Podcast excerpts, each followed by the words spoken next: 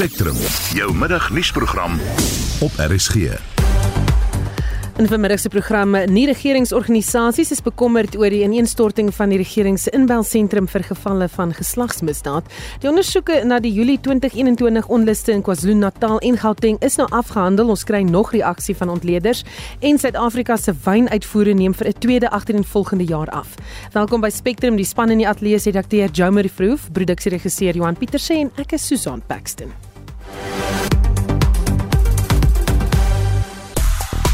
Bafana Bafana kan Marokko vanaand klop sê die breier Hugo Broos en op die cricketveld pak die Aussies en Proteas se vroue spanne mekaar in die beslissende wedstryd van hulle internasionale T20 reeks.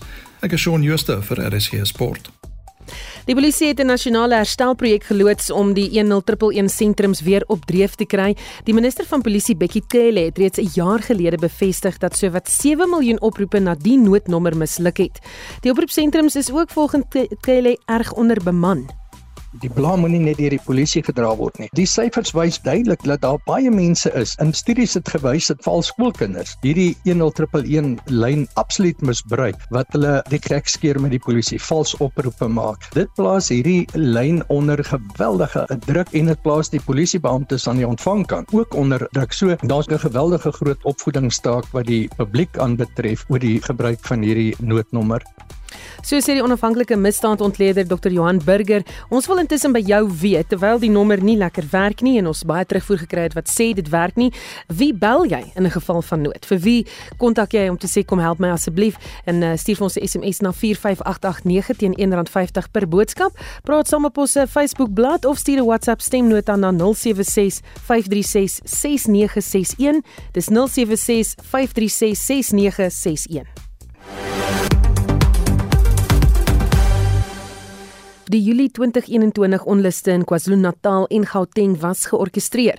Dis die bevinding van die twee hoofstuk 9 organisasies, die Suid-Afrikaanse Menseregte Kommissie en die Kommissie vir die Bevordering en Beskerming van Kulturele Godsdienstige en Taalregte. Die MRK het 'n ondersoek oor die onluste in die twee provinsies gedoen. En vir sy reaksie praat ons nou met professor Theo Venter, 'n dosent praktyk aan die Universiteit van Johannesburg. Goeiemôre Theo. Goeiemôre. Eers wat's jou eh, reaksie op hierdie verslag?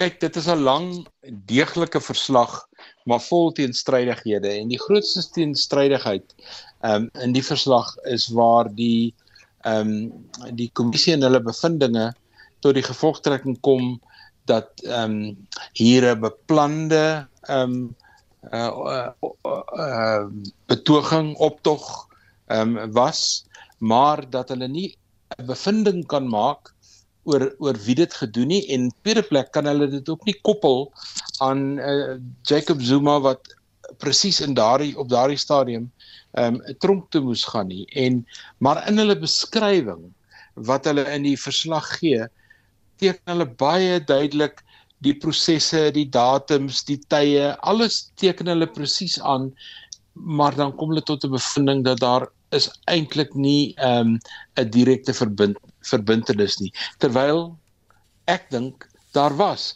want die verskynsel van 'n spontane ontbranding met ander woorde dat daar sommer eendag skielik uit die bloute uit so omvangryke onlusproses ontstaan is hoogs onwaarskynlik die meeste um, rebellies of revolusies of um, enige van hierdie soort um, gewelddadige optrede het gewoonlik 'n argitek of twee agter die skerms wat werk en en hulle dui aan dat daar so iets was want in hulle die die feite wat hulle aanvoer is is baie is baie oortuigend want hulle sê ehm um, die die veiligheidskameras was afgeskakel.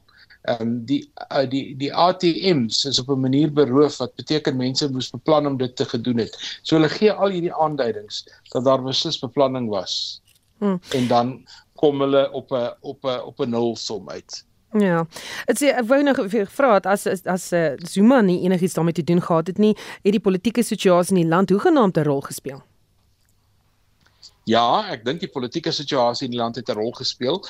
Uh, en en en om dit erger te maak, as daar 'n 'n spontane ontbranding was, soos wat ons nou gesien het, die ding het sommer net oornag ontstaan en ons kyk na die omstandighede wat teenwoordig was vir dit om te gebeur direk na COVID, baie kort na COVID, dan bestaan daardie omstandighede nog steeds. Daar is plekke, uh, kom ons neem byvoorbeeld um uh in noord van Pretoria waar die water onlangs mense en doodgemaak het of plekke waar daar verspoelings plaasvind en en so meer en so meer. Maar jy kry nie dieselfde onrus situasie wat volg op die kondisies wat gegeld het in KwaZulu-Natal nie. Daar was 'n vonk in die vuur en dis daai vonk, dis daai ontbranding wat nodig is vir so onderus om te begin en ek dink nie die kommissie wou die vinger lê op waar lê wie was die argitekte nie? Want dis maar my persoonlike mening ek dink die argitekte het binne in die politieke strukture binne in die ANC binne in KwaZulu-Natal gesit. En dis heeltemal te warm om te hanteer vir 'n artikel 9 organisasie. Wat jy nodig het was 'n organisasie soos byvoorbeeld die ou ehm um, skerpioene of 'n organisasie soos miskien die FBI in Amerika wat los staan van die regering wat een tree weggee en wat politici of senior uh, gemeenskapsleiers of ehm um, uh skelms in die georganiseerde ehm um, uh misdaadbedryf wat hulle kan uitwys en sê alles dui daarop dat jy betrokke was. Hierdie kommissie kon dit nie doen nie. Of hierdie twee kommissies, dis eintlik 'n gesamentlike projek soos jy aangedui het. So die ondersoek soos jy genoem het, het bevind dat die onluste dan nou deeglik beplan is en daar word dan nou vingers na die land se inligtingstrukture gewys. Hoe verstaan jy die swakhede? Ja, dis 'n baie geldige dis 'n baie geldige punt van kritiek wat uit die kommissie uitkom. Ehm um, hierdie was ehm um, 'n uh, swakheid in ons intelligensiestrukture, net soos wat Israel onverhoeds betrap is met die inval van Hamas op die 7de Oktober, net so was die onrus en die ontstaan daarvan en die ontwikkeling daarvan uit KwaZulu-Natal spoel oor Gauteng toe het die ehm um, uh, intelligensiedienste onkant betraf betrap. Dit het die polisie onkant betrap. En 'n organisasie wat baie lig uit hierdie kommissie uitkom is die weermag. Dit het die weermag omkant betrap. Die weermag het nie voertuie gehad om die soldate te kry in KwaZulu-Natal nie. Hulle moes gaan busse hier by burgerlike organisasies. Nou het hulle die die die, die weermag voertuie geverf en en gediens so dit kan hulle kan dit nou doen en gedemonstreer dat toe die EFF ehm um, verlede jaar gesê het hulle gaan 'n wegbly aksie reël ehm um, was die weermag absoluut op uh, op standby gewees. Dit ja. is 'n uitvloeisel van hierdie onderus situasie. Nou daar word uh, ook veral na sosiale media gewys as die medium waar dit die onluste georkestreer is, so dit kan nie te moeilik wees om te bepaal wie agter dit sit nie, maar dan is daar ook vingers wat wys na die Indeer gemeenskap daar. Ja, ek voel die Indeer gemeenskap ehm um, word hier 'n bietjie onder die bus gegooi. Ehm um, hulle praat van in die kommissie van die die primêre organiseerders of die primêre akteurs. Dan praat hulle van die sekondêre akteurs wat nou eintlik uh die die die opgevolg het op wat die primêre ouens gedoen het en dan kom hulle by die reaksie en die respons en daar was response en reaksies uit verskillende gemeenskappe. Daar was taxi verenigings wat gehelp het om die onrus te stop daar word nie na hulle verwys in die rol wat hulle gespeel het nie. Maar Phoenix word spesifiek uitgewys. Nou ons weet daar het 'n paar insidente plaasgevind en van hierdie insidente dink ek is deel van regsprosesse.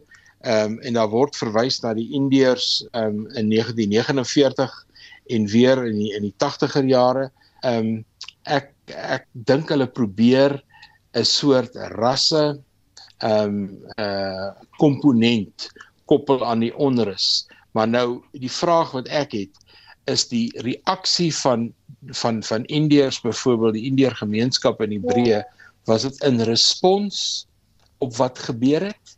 Of was dit in reaksie 'n soort van 'n beskerming? Dit is dit dit kom nie baie duidelik uit nie. En ek was 'n bietjie verbaas dat hulle uh, Nadine Gordimer gebruik. Sy het 'n scenario geskets oor so iets wat kan gebeur uh, en en hoe dit dan uitspeel Maar uh, nee, ek dink um, hulle hulle hulle oordeel baie skerp oor die Indiër gemeenskap. Baie dankie dit was professor Theo Venter, dosent in praktyk aan die Universiteit Johannesburg.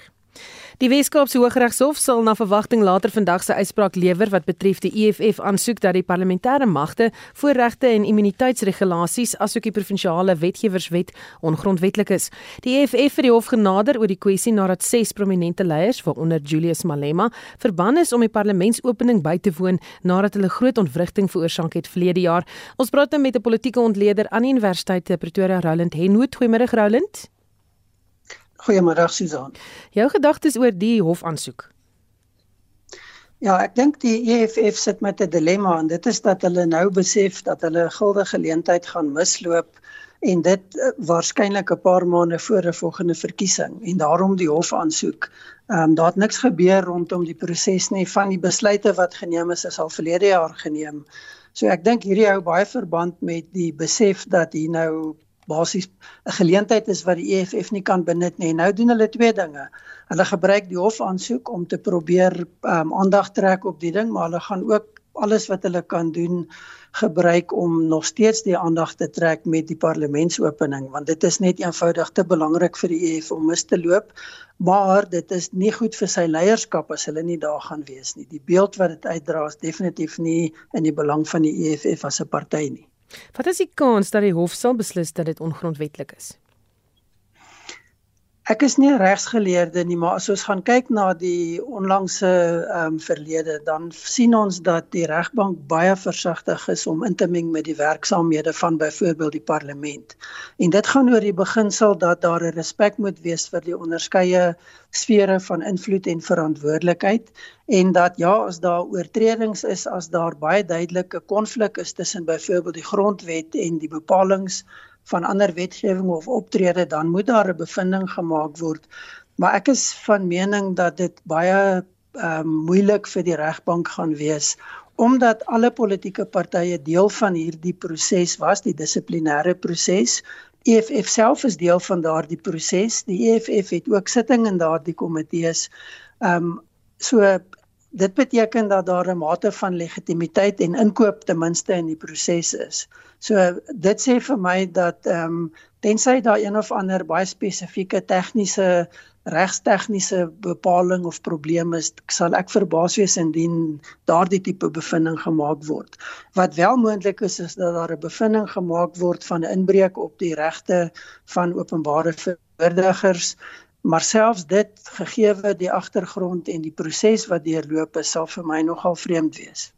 Nou ja, ons wag in spanning vir daardie uitspraak. Dit was 'n politieke ontleder van die Universiteit Pretoria, Roland Henwood. Ons het vanoggend 'n monitor berig oor die polisie se herstelplan vir die 10111 noodinbelsentrum. Miljoene mense sukkel al sedert 2016 om deur die inbelsentrum gehelp te word. Maar is nie net die polisie dienste inbelsentrum wat nie behoorlik funksioneer nie. Nie regeringsorganisasie beweer dat die departement van maatskaplike dienste se inbelsentrum vir gevalle van geslagsgeweld ineengestort het. Die organisasies meen dat hulle geen ander keuse gaan hê as om die slagoffers van geslagsgeweld wat gewoonlik deur die staat bedien is by te staan nie. Ons praat nou met Mara Glennie van een van die nie-regeringsorganisasies, die Teer Stichting. Goeiemiddag Mara. Goeiemiddag. Watter soort diens lewer die departement se geslagsmisdaad inbelsentrum en hoe belangrik is hierdie diens en bystand vir die slagoffers? Well, our services are absolutely essential. I started them because I'm a survivor, and when I went to the police station, I couldn't get the help that I needed. And it was very traumatic because I really battled with recovery. When I got better, I decided that I would do a service that is what I needed in the police station. So, what we do is you can phone us from any phone anywhere in South Africa, um, and we will assist you for free. Hmm. En julle beweer die werksamehede van die inbelsentrum het ineengestort. Wat is aan die gang? Well, the, the great sadness is that it was the uh, Gender Based Violence Command Center was launched with such fanfare, and millions of rands were spent on it. And as I understand it, because I don't work there, from reading press releases where people like Risa Vatten from the University of Johannesburg uh, are quoted in saying that um, there was a dispute between the service provider who did an excellent service and a new service provider that was being appointed and that for two years they haven't been able to get the CRM system running which means that none of the services that should be offered as I've said uh, earlier where you need the help when you don't know where to go you don't know how to sign a protection order so the service used to offer uh, the, the command center used to offer all those services but currently they can't offer anything. So wat gebeur nou as mense in nood is en hulle bel? It's a big problem. So they take the odd phone call um, and write it down manually because the system is no longer electronically. And then either they find another service like the free service we offer Tears or they end up in a bad place. So, because I was so distressed, because as I said earlier, I am a survivor, we have actually uh, employed more staff and we do Facebook outreaches additionally so that people who need help at least can come to us. At the moment, we are getting between three and 400 calls per day of survivors. And I just want to qualify that a call is not someone phoning, a call is someone who we actually physically speak to who needs assistance with GBV. So for me, that's the tip of the iceberg. It means that it's an underserviced market. It's a market that is extremely populated because uh, figures are uh, given of one in three women, and it's a real, absolute desperate situation. Wat gaan julle doen? Well, I'm actually um, I'm busy looking for a new office space personally, um, so that we can move, so that I can employ more people in my call center, and I'm prepared for the calls to go up. Um, and we will just do the best that we can. The other thing that we will be doing is uh, collaborate more with other organizations because none of us can do it alone. Uh, and uh, it's better that we are all in a collaboration and work together. And the difficulty always with that is just to move it along a bit is that there's so little funding available for organizations that we all need to work together, but we're competing for the same limited funding. So it's a very difficult situation. Baie dankie het gepraat met Mara Glennie van die Tears Stichting. Die Kaapse Wynland Distriksmunisipaliteit sê die reën wat laat aand in die Weskaap begin uitsak het, was nie genoeg om die grond binne te dring en aktiewe brandlyne in te kamp nie. Brande woed steeds in die Beinsloof, Slanghoek en die um, Elandsberg en Ferry Glen gebiede en die reën het brandbestrydingsoperasies eintlik vertraag. Van die brande in ander gebiede word ook steeds deur sterk wind aangedryf. Die brande in die Kleutjieskraal gebied wat verlede Maandag ontstaan het, blyk egter nou ten volle geblus te wees. En ons praat nou met die woordvoerder van die Kaapse Wynland Distriksmunisipaliteit, Joanne Otto Goeiemôre Joanne. Goeiemiddag Susan en hallo luisteraars. Um en hallo Woester in die Brede Vallei en wat ook nou almal luister en hoor dinge gaan. almal ken jy nou al waar woed die brande nog? Goed, so ek het eintlik 'n bietjie goeie nuus. Alhoewel die reën regtig vaar nie baie goeie impak gemaak of 'n diep impak gemaak het, soos jy gesê het, het ons um ek het nou net met almal gepraat daarso by die um insidentbeheerpos en um soos jy gesê het, kleintjies kaal suurvlakte daarso volvlei all under control. Maar um en dan Elandsberg baie mooi onder beheer, maar Um, ons is versigtig om te sê alles is onder beheer. Die wind gaan opkom, maar daar is op die oomblik geen vlamme daar nie. Dan baie goeie nuus of met die, die slegte goeie nuus, die Beinskloof het ook um is ten, is uitgebrand. En dan word daar is nou niks meer wat kan brand nie. So daar is niks ook vlamme daar nie. Um en dan Slanghoek is ingekamp. Ferry Glen het ons nog 'n probleem, daar is spanne daarso en daar's helikopters daarso en dan het ons 'n klein brand in brandvlei wat al gister ontstaan het, so ons was regtig gereg. Ehm um, en daar het ons ook voertuie in 'n grondspan. Maar die opruimingstake en die moniteringstake Susan gaan vir dae moet aangaan. Hm. Van môre af is dit 40 grade en dit kan na enige opvlammings weet dit kan dit kan soveel um dit kan alles alles wat ons gedoen het in die laaste paar ure kan dit alles weer wegvat en Ja. ons kan weer sit waar ons was. Nou alles ongedaan maak. Um, hoeveel brandbestryders neem steeds deel aan die brandbestrydingsoperasies? Ons het um bietjie afgeskaal. Ons het al 115, maar baie van daai mense dit is nie eintlik afgeskaal nie want hulle is ontplooi na ander brande toe. So hulle is byvoorbeeld het ons nou 'n groter span sê maar by Steve Glen ingesit en by brandvlei, maar daar is nog steeds spanne wat opruimingstake doen en moniteringstake doen op die ander op die ander brandlyne. Gebruik julle helikopters? Net op Steve Glen op hierdie stadium. Baie dankie is gepraat met die woordvoerder van die Kaapse Wynland Distriksmunisipaliteit, Joanne Otto. Nog brande woed in die Oeverberg distrik. In die Oeverstrand het 'n brand wat gister in Pringle Bay ontstaan het na hangklip versprei en daar woed ook steeds 'n brand in die Buffelsjag en Kaapagallus Nasionale Park. Ons praat nou met die hoof van die brandweer in die Oeverberg Distriksmunisipaliteit, Reinhard Geldenhuys. Goeiemôre Reinhard. Goeiemôre. So die brand wat in die Oeverstrand woed word deur 'n ander brandbestrydingseenheid beveg, maar wat is die jongste inligting oor die brand? Okay, die ehm um, ek het so rukkie terug met die brandweerhoof daar gepraat. Die brand is nog in die berg. Hulle het ehm um, twee helikopters daar en stad Kaapstad help vir hulle.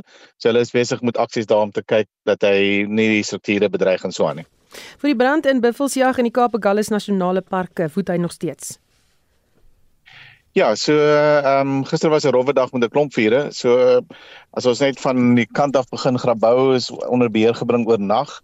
En so ons grootste probleem is nou in die Buffeljas ehm um, area. Hy woed nog steeds buite beheer ehm um, op twee fronte. Ehm um, ons het vroegoggend weer helikopters ingesit, maar digte plante groei, aliens, hitte, alles werk teen ons. So uh, hy is daar as op hierdie oomblik nie direkte struktuurbedreiging nie, maar ons ons is besig om planne te beraam om te kyk hoe ons hom kan ehm um, inperk. En weerstoestande? Weerstoestande is warm, winderig. As dit nou die windverandering gehad wat voorspel is. Ehm um, ons het geweet dit gaan kom, so ons was reg daarvoor, maar ehm um, dit maak dit net moeilik. Is enige inwoners ontruim uit hulle huise uit? Ons het gister ehm um, by die damme uh, vakansieoord het ons mense ontruim met hulle huise uit en na veiligheid geneem. Ehm uh, maar daai bedreiging is gelukkig afgeleë afgeweer. Op hierdie stadium is daar geen direkte bedreiging vir inwoners nie. So is dit daar's 'n brand in die Grabouw area wat ook uitgebreek het, dis die brand onder beheer. Die Grabouw, ekskuus tog ja, die Grabouwbrand is onder beheer. Daar is nog steeds aktiewe lyne, maar ons het ehm um, grondspanne daarop en dit is onder beheer. Hoeveel brandbestryders is ontplooi? Ehm um, op die ehm um, Grabouwbrande gister omtrent so 50 in totaal met 'n klomp ehm um, grondeienaars en boere wat gehelp het. En dan op die uh Buffeljags 4 dink ek het ons op die oomblik drie grondspanne. Dis so 60 mense op die grond, twee helikopters en ses brandweervoertuie. Baie dankie het gepraat met die brandweerhoof van die Oeverberg Distriksmunisipaliteit Reinhard Geldenhuys. Jy luister na Spectrum. Elke weekmiddag tussen 12 en 1. En is nou presies 0.5 in die nuus internasionale druk op die Suid-Afrikaanse regering om buitelandse valuta reserves te gebruik om sy skuld te delg neem toe en 'n span wildbewaarders van die nasionale kreer wildtuin is ontplooi om vier olifante wat uitgebreek het terug te bring na die wildtuin. Bly ingeskakel.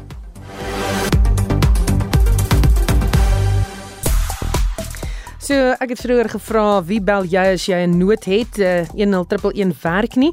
Ek sien dat Skalk van Hartbeespoortdam sê ek kontak AfriForum. Nog 'n luisteraar wat sê dit help nie om die polisie of munisipaliteit te bel nie. Albei is baie pateties. Bel die sekuriteitsmaatskappye dis in Bloemfontein. Nog iemand wat sê ek skakel Afrimoot wat saamwerk met uh, ProShield. Dis uitstekende diens. Geen 10111 uh, op 'n dis 'n nul op 'n kontrak sê die persoon. Uh, dan sê nog 'n luisteraar hier in Kaapstad weet uh, premier Allan Windy gou as dinge verkeerd loop. Ons bly hemels, dis Felicia wat so sê. En nog iemand wat sê as jy probleme het by jou woning, dan skakel jy eers vir jou sekuriteitsfirma. Hulle is baie vinniger as die polisie, glo my. Ons sien dit by ons hier op Somerset Wes. Helderberg het talle sekuriteitsfirma wat tops is, C Miller daar van Helderberg. En nog 'n polisie wat sê die polisie antwoord glad nie as mense hulle bel nie. Ons woonbuurt het 'n fantastiese buurtwag wat kom help waar daar moeilikheid is. Is net groete. Ek het my Ella van Drie Riviere. Dis en kom ons hoor wat het jy te sê gehad. Bestaan die nommer nog? Laaste keer wat ek hom gebruik het, daar niks gebeur nie. Useless. Ja, as die polisie minder met voertuie na die shoppingsentrums toe gaan en op disabled parkering staan wat vir hulle oopgemaak word deur die sekuriteit, deur die private sekuriteit en hulle hulle fone antwoord, sal dit soveel beter gaan. Partykeer bel jy vir ure en ure en niemand antwoord nie. Ek wil net sê ek dink die polisie se plan is heel verkeerd. Hulle moet uh weer begin werk maak om die beemisdrywe Dit is nou soos dronkenskap urineer in die publiek, rommel strooi, daai goed te polisieer. Want dan haal jy daai ou van die straat af. Daai ou wat dronk is wat by die huis kom, sy vrou aanrand of iemand anders aanrand of met 'n mes steek of met 'n gun dreig of wat ook al. Dan sal hy goed die plaas vind as daai mense op die straat verwyder word. Nie. En dan sal die 1011 nommer ook nie so besig wees nie. En dit help ook nie, um, hulle het 'n 1011 nommer in plek en hulle het die mense buite om die werk te doen nie, die sake buite woon nie, die klagtes buite woon nie. Nou ja, dis 'n uh, menings van die luisteraars. Jy kan steeds saamgesels as jy wil, ook 'n SMS stuur 45889. Onthou SMS se kos R1.50. Shaun Justus sluit by ons aan vir die jongste sportnuus uh, en Shaun, die tyd het aangebreek vir Bafana Bafana en Marokko se laaste 16 kragmeting in die Afrika Nasiesbeker toernooi. Goeiemôre Susan. Ja, hulle draf vanaand 10:00 Suid-Afrikaanse tyd teen Marokko op die veld uit. Nou die spanne het al 8 keer teen mekaar gespeel waarvan Suid-Afrika 3 en Marokko 2 gewen het en daar was ook 3 gelykop uitslae. Marokko kon Suid-Afrika egter nog net een keer in die AFCON toernooi klop. Beide spanne het ook die kwartfinale in hulle laaste 2 kere wat hulle deelgeneem het gehaal en uh, Marokko is Suid-Afrika of Afrika se beste span eerder hulle is 13de op FIFA se jongste mansranglys met Suid-Afrika 66ste Marokko spog ook met uh, spelers wat in Europa se beste liga speel terwyl Bafana Bafana meestal uit plaaslike spelers bestaan nou die Bafana Bafana Breyer Hugo Broos sê hulle kan Marokko klop We beat Morocco already one year ago in Johannesburg. We played uh, a very good game. Um, we played our best level. And that means that um, yeah that we believe in it that it's possible tomorrow to beat Morocco um, but we have to achieve our very very best level and if we can do that then maybe we can create another surprise here in uh, on this African by uh, by eliminating um, yes this big team of, uh, of Morocco. Die wedstryd word regstreeks op SABC1 en ook op SABC+ uitgesaai en net voor die reuse kragmeting kom Mali 7 uur teen Burkina Faso te staan. Dis ook maak of breek op die cricketveld in die T20 reeks tussen die Aussies en Proteas se vroue spanne. Nou die wedstryd het vanoggend kort na 10 in Hobart begin. Die Aussies het die lood gewen en die Proteas eerste laat kom. Suid-Afrika het 162 vir 7 op die tellbord geplaas. Maar die Zaankap was uitstekend met die kolf met 75 lopies van 48 balle aangeteken. Dit het 10 grenshoue en 1-6 ingesluit. En die Aussies staan op 87 vir 3 na 11 balbeurte. En by die onder 19 mans eendag wêreldbeker toernooi die Super 6 fase vanoggend begin. Ja, die groot wedstryd vir die dag is Indië teen Nieu-Seeland in Bloemfontein. Sri Lanka speel ook in Kimberley teen die Windies en Ierland en Pakistan sê mekaar ook in Potchefstroom die stryd aan. India, Sri Lanka en Ierland kolf eerste. Baie dankie, dit was Shaun Jooste met die sportnuus. Internasionale maatskappye is besig om druk op Suid-Afrika te plaas om buitelandse valuta reserve te gebruik om sy skuldvlakke en die hoë koers verbonde aan lenings wat die staat aangegaan het te verminder. Die Reserwebank is baie versigtig om na die stap oor te gaan.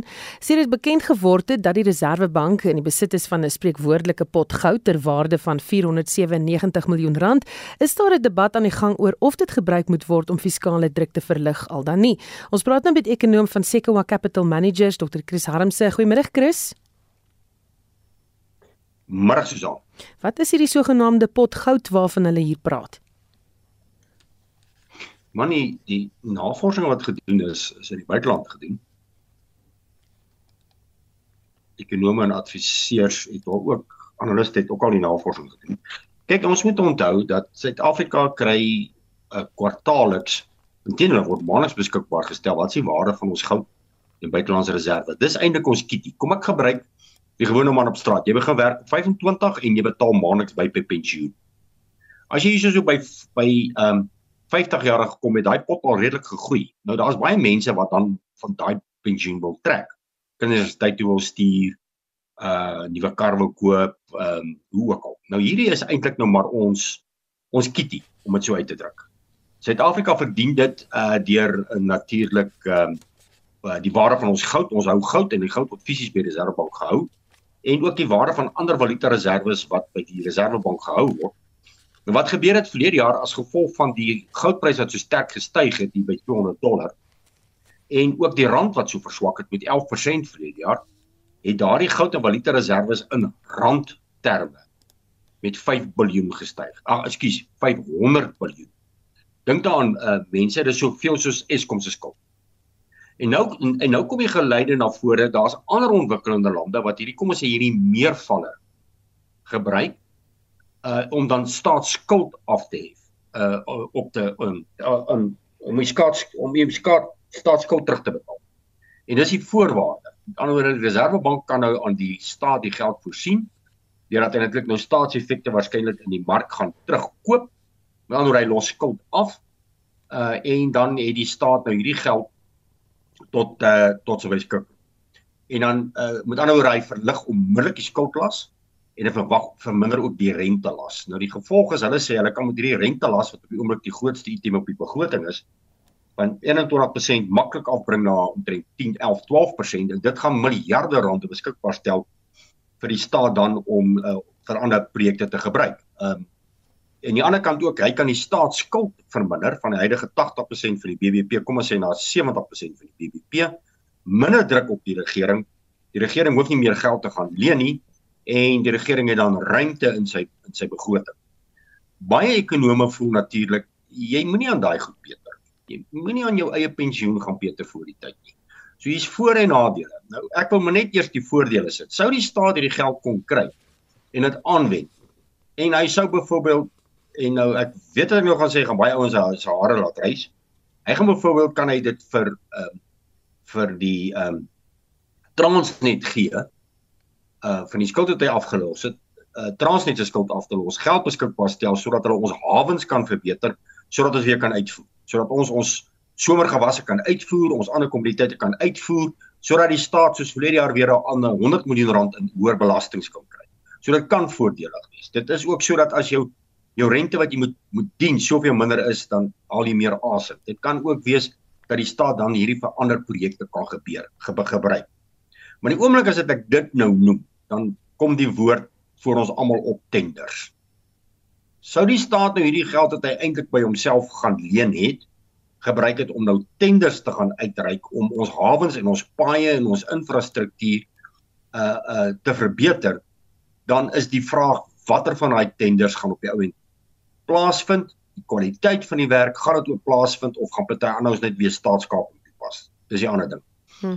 Die ander kritiek teen hierdie storie is, hoe sê ons, hoe weet ons, hy gaan nou nie hierdie gebruik om weer sy salarisrekening te verhoog om weer hoër salarisse uit te betaal en ander dinge in nie. So met ander woorde, ek dink in Suid-Afrika is dit 'n bietjie moeilik om te sê ander lande doen dit, ons moet dit ook doen. Ek sien 'n bietjie gevaarligte, maar dit is daar, dit is tot ons beskikking wat aangewend kan word, maar ek het 'n vermoede ons is nie gerad. Ons het nie die politieke wil en die bestuursvaardighede om dit te doen. Ek wil nou vir jou vra, die begrotingsrede is op pad. Wat s'e kans dat die regering hierdie sal oorweeg? Kyk, dis geleide wat al lankal na vore. Uh dit mense kon sê onthou hulle die staatsskuld van Eskom oorgevat wat 500 miljard is. Nou kan ons net sê wel sê maar kom ons gebruik nou hierdie goud en valuta reserves van ons en ons betaal Eskom se staatsskuld nou af eens of altyd sodat Eskom kan voortgaan om te sorg dat ons weer kan uh, uh elektrisiteit kan opwek sodat ons hierdie beerkrag van ons kan uh natuurlik tot nut bring. So dis moontlik. Dis moontlik, ek weet jy hulle daaraan gedink het nie. Hy sit met 'n tamaletjie. Wat gaan hy met sy salarisrekening doen? Gaan hy die guts hê om dit so uit te druk voor 'n verkiesing om ehm uh, die salarisrekening te verminder, met ander woorde om die staatsdiensposte kleiner te maak? Minder as as as die inflasie salarisverhogings toe te staan en uh wat gaan hy met belastings doen? Gaan hy belastings verder verhoog? Hy kan dalk nou hierdie geld gebruik om hom te finansier sodat hy nie belastings hoef te verhoog in 'n jaar van verkiesing nie. So jy weet daar's baie scenario's wat na vore moet kom. Al wat ek weet is 'n tamaletjie van 'n begroting. Die staat het geen beweegruimte nie en dit is 'n wortel voor sy neus op hierdie oomblik. Baie dankie. Dit was 'n ekonom van Sequoia Capital Managers, Dr. Chris Harmse. Suid-Afrika het vir die tweede agtereenvolgende jaar minder wyn uitgevoer en die grootste rede word toegeskryf aan die openhoud in die Kaapstadse hawe. Die 2023 uitvoereverslag word deur Wines of South Africa Hossa uitgereik, maar hy of Marina Kreinou, kommunikasiebestuurder van Hossa sê oes syfers het ook gedaal. Die verslag dui op 'n 17% afname in die totale volume van uitvoere na ons internasionale markte. So ja, dit is nog 'n groot daling wat ons beleef. Daar is verskeie faktore wat hierdie daling beïnvloed. Die hoofrede natuurlik is die wêreldwye ekonomiese toestand wat ons heidaglik beleef. Hoër kostes, mense wat hulle werk verloor, verbruikers moet maar net kyk na dit wat hulle hulle geld op bestee en wyn is maar net 'n luukse produk wat nie noodwendig bo aan die lysie staan nie. Ek sien daar's ook redes aangevoer soos byvoorbeeld die uitvoere by die hawens wat vertraag word. Ja, die Kaapstad hawe is definitief 'n probleem en maar dit is al 'n geruime tyd 'n probleem al voor Covid het ons uitdagings gehad met die hawe met infrastruktuur wat nou maar net regtig oud en moeg is, probleme met die mense wat by die uh, hawe werk Maar ons bedryfsvennote by South Africa Wine is deurentyd in kontak met die lede van Transnet met die mense by die hawe self om maniere te vind wat ons regtig die situasie kan verbeter met langtermyn verbetering, nie net iets wat oor die korttermyn die situasie gaan help nie. So ja, die hawe is 'n probleem en dit dit bly 'n probleem. Ons as bedryf het maniere al gevind om om dit te probeer werk, maar dit kan ook net so lank hou. Dan is dit in alle lande waar sommer al die invoere afgeneem het. Ja, dit is definitief. Ons kompetisielande soos Argentinië het 28% 'n uh, daling getoon in hulle uitvoervolumes. Australië het soortgelyke probleme en selfs ons internasionale vennote in Europa, uh almal wys negatiewe uitvoersyfers vir die jaar dit is maar net 'n realiteit van die ekonomiese toestand waarin ons self heiliglik bevind. Is die tweede jaar in 'n ry wat hierdie syfer daal, wat is die impak op die bedryf? Die impak op hierdie stadium is nie te groot nie en ons hoop dit bly so. Ons sien nie enige werksverliese as gevolg hiervan nie en wat eintlik interessant is is die 2023 oessyfer het gedaal met ongeveer 14% en dis is ons in 'n effense voordelige posisie teenoor ons kompetisie in die sin daarvan dat ons nie sit op 'n uh, oormaat van wyn in ons tenke en kelders nie. So dis 'n gemakliker posisie om in te wees. Ons hoef nie ons wynpryse te laat daal nie want jy weet as jy sit met 'n lot wyn in jou tenk en in jou kelder en jy moet plek maak, dan raak 'n mens mos maar desperaat. So dit is eintlik 'n goeie of, of sou ek sê 'n gemaklike posisie waarin ons heidaglik sit in daardie opsig. En dit was Marina Kreinou, kommunikasiebestuurder van Hossa. Daar is nuwe verwikkelinge in die oorlog tussen Israel en die Palestynë. 'n Hommeltuig aanval teen Amerikaanse soldate in Noord-Oos-Jordanië, naby die grens met Irak en Sirië, het tot hernieude spekulasie oor die aard van die oorlog gelei. Washington blameer Iranese magte vir die aanval. Intussen wil die Verenigde Nasies stampe doen teen werkers van die agentskap vir hulpverlening wat na bewering betrokke was by die 7 Oktober aanval teen Israel. Die VN-veiligheidsraad vergader môre om verlede Vrydag se internasionale geregshof-beslissing ten gunste van Suid-Afrika te bespreek. Jamari Verhoefden verslag. 3 Amerikaanse soldate is gedood en meer as 30 is beseer naby 'n FSA militêre basis bekend as Tower 22 in Jordanië. Die Withuis beweer dat die aanval deur Iranees gesteunde magte uitgevoer is. Iran ontken egter die aantuigings ten sterkste.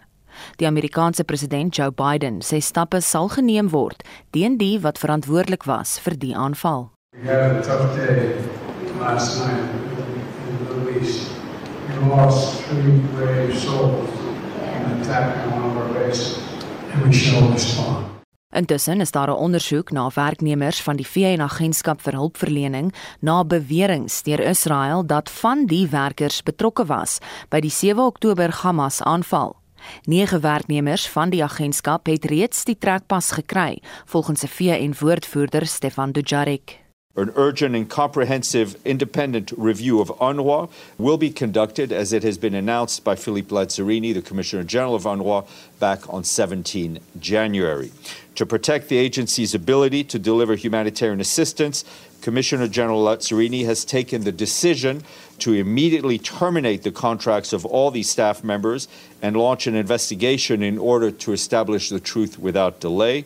Any employee of UNRWA who is involved in acts of terror will be held accountable, including through criminal prosecution. Nou waarsku die agentskap vir hulpverlening dat hy steeds befonds moet word om sy werk te kan verrig. Op sy beurt het Algerië namens die Arabiese state gevra vir 'n VN-resolusie oor die implementering van voorlopige maatreëls dat Israel sy militêre optrede in Gaza moet staak. Die Veiligheidsraad vergader môre oor die saak. Die Palestynse ambassadeur vir die VN, Riyad Mansour. We are in close uh, collaboration and consultation with uh, South Africa. We are digging into all the details in order to take the appropriate steps, which, of course, these steps will be in the Security Council.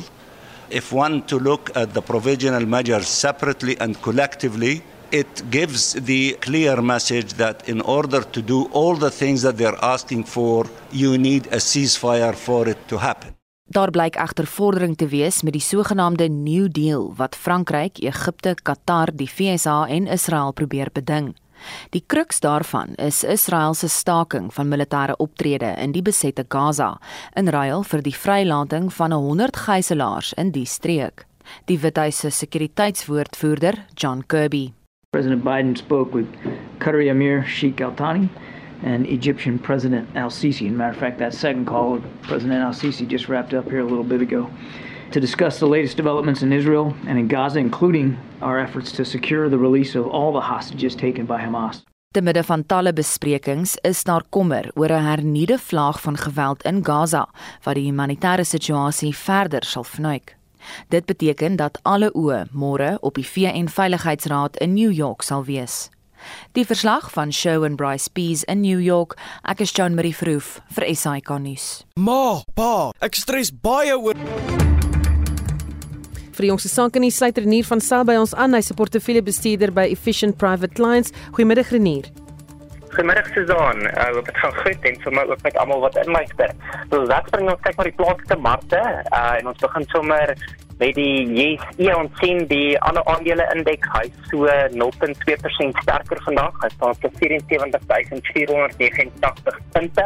As ons kyk van die maatskappye wat omhoog dryf vandag, Discovery op met 4.6%, sien ook Shoprite Holdings se kort op sake op met 2.4%. Nou die groot rede daarvoor is is dat Shoprite het vroeg vanoggend vir ons gesê dat hulle baie goeie resultate behaal het gedurende die 6 maande periode tot einde Desember. Groot rede daarvoor was die die rekord Black Friday verkope van verlede jaar, maar ook natuurlik meer mense wat oor die feesseisoen goedere gekoop het. Dit beteken ook hulle het nou vir 58 agtereenvolgende maande markaandeel gesteel by hulle kompetisie. As ons kyk wat die rand uh, basies doen van vanoggend se vlakke, is hy so klein bietjie laer. Hy staan teen so 18.86 teen die dollar, teen so 23.92 teen die pond en dan teen so 20.44 teen die euro. Prys van goud 0.5% sterker op 2000 1036 dollars per fyn ons. Prys van Brent olie is basies onveranderd. Hy staan op so 82 dollars 40 per vatjie Brent. Nou die Amerikaanse markte lyk asof hulle bietjie later in die rooi wil oopmaak soos wat ons wag vir resultate van die groot maatskappye in die wêreld soos Alphabet, Starbucks en EA, die gewilde speletjies maatskappy en ons sien ook dat meeste Europese markte verhandel op die oomblik in die groen. Dis dan net my storie vir vandag. Koop julle te baie lank verder. Totsiens. Baie dankie en dit was Renier van Sail van Efficient Private Clients. Esie de Klerk het 'n opsomming van die dag se ontwikkelende stories en ander nuus. Sanparks het bevestig dat vier olifante uit die Kreer Wildtuin ontsnap het. Inwoners van Matsulu buite Mbombela en Mpumalanga sê hulle vrees vir hulle lewens nadat die olifante in die omgewing gesien is. Sanparks se woordvoerder, Ike Pathla, sê 'n span is ontplooi om die olifante weer aan te keer. We are aware of the situation of the animals that are in that vicinity and we're working very closely with uh, our colleagues from uh, MTPA because it's in their jurisdiction. Currently, there are teams which are out there and monitoring the movement of the animals. And as soon as they are spotted and we have a helicopter available, we'll try and chase the animals back into the park. The advice to community members is always to be very vigilant when we have animals in their community. Dit was die woordvoerder van Sanparke, Ike Pasla. Die polisie in Gauteng het met 'n reuse soektog begin na die aanvallers wat gister twee mans by 'n geleentheid van Randwater in Vlakfontein, suid van Johannesburg, doodgeskiet het. Drie ander mense is ook gewond. Die skietvoorval het in 'n gemeenskapsaal in Zakaria Park plaasgevind waar skoolklere aan leerders oorhandig is. 'n senior bestuurder van Randwater en sy leiwag is doodgeskiet en die hoofsweep van die Johannesburgse Metro, Sitembiso Zungu, is een van die mense wat gewond is. Hier is die woordvoerder van Randwater, Makanosi Maru. As an organization, we are shocked and devastated by the tragic passing of our treasured colleague after the incident which occurred at the Rainwaters Back to School campaign, which was planned to take place at Zakaria Park Community Center. Rainwater's policy prohibits the organization from releasing the employee's name without the consent of the family. We do not have further details, but we are working closely with investigators as they assess and investigate the incident. Dit was die woordvoerder van Randwater, Makanosi Maru. Die polisie sê die motief vir die aanval wat ten aanskoue van leerders plaasgevind het, is onbekend. In ander nuus, die polisie het 'n herstelprojek begin om die 10111 noodnommerdiens weer op dreef te bring. 7 miljoen mense in nood kon oor die afgelope 3 jaar nie deur die inbelsentrum gehelp word nie. Die minister van Polisie, Bekkie Cele, het hierdie inligting verlede jaar in antwoord op 'n parlementêre vraag bekend gemaak. Betual Nkuna van die Independent Policing Union sê die probleem sleep al sedert 2016 voort. It, it's mainly more about the shortage of manpower and also the shortage of uh, work resources. Because most of the calls that come through to the center, when they say over a million that has been dropped, we're talking about calls that don't reach someone who can pick up a call. The situation has been like this from 2016, whereby we've got a shortage nationally of over 50% manpower. Dit was Beto Ankuna van die Independent Policing Union. En Suid-Afrikaners sal die komende naweek 'n laaste geleentheid hê om te registreer om te stem in vanjaar se algemene verkiesing. In die Vrystaat is 4 addisionele registrasiepunte in die Mangaung Metro opgerig. Die verkiesingskommissie in die provinsie se voorsitter is Jabulani Jabalala. Currently, we have 1582 voting stations throughout the province, of which 183 of them are temporary facilities, the so called tents. We have recruited our staff, we have trained them, we are ready. The VMD, which is the voting management device that we are using for registration purposes, it's ready. It has been uploaded with the recent applications. Old applications have been renewed, so they're going to be deployed come the 3 and the 4 February, so that they are being used by these people that we have trained. Dit was die voorsitter van die verkiesingskommissie in die Vrystaat, Jabulani Jabalala. Onthou om in te skakel vir Brandpunt om kwart voor 6 vanmiddag vir 'n opsomming van die dag se nuus. Kom ons luister na wat jy te sê het oor die noodnommer. Ek wil net sê die 0111 nommer werk glad nie. Um dit werk seker maar vir die mense met die landlyn want ek nou al hoeveel keer die nommer probeer op my selfoon en dit werk net nie dan sit jy in Johannes afgekap Ja, ek glo nie net die probleem is op trend die foonoproep wat gemaak word na die SAPS se kantore toe nie. Ek dink die ander probleem lê ook in voertuie. Ek dink as daar minder polisielede met voertuie huis toe gaan en minder polisie voertuie word gebruik om vir 'n private doeleindes, dan sal dinge baie beter gaan in Suid-Afrika. Nou ja, ek sien 'n luisteraar Tosca de sê dat of Tosca de Villiers sê ek bel Sunnyside Pretoria polisie se direkte landlyn hulle stuur vinnig iemand uitgewoonlik vir rusverstoring. Nou ja, daarom is stasie wat werk. Onder vorige uitsendings van al ons nuus aktualiteitsprogramme is beskikbaar as 'n potgooi op rsg.co.za. Ons groet namens die uitvoerende regisseur Nicoline Lou, vandag se redakteur Joe Marie Verhoef, die produksieregisseur Johan Pieterse. My naam is Susan Paxton. Geniet jou middag.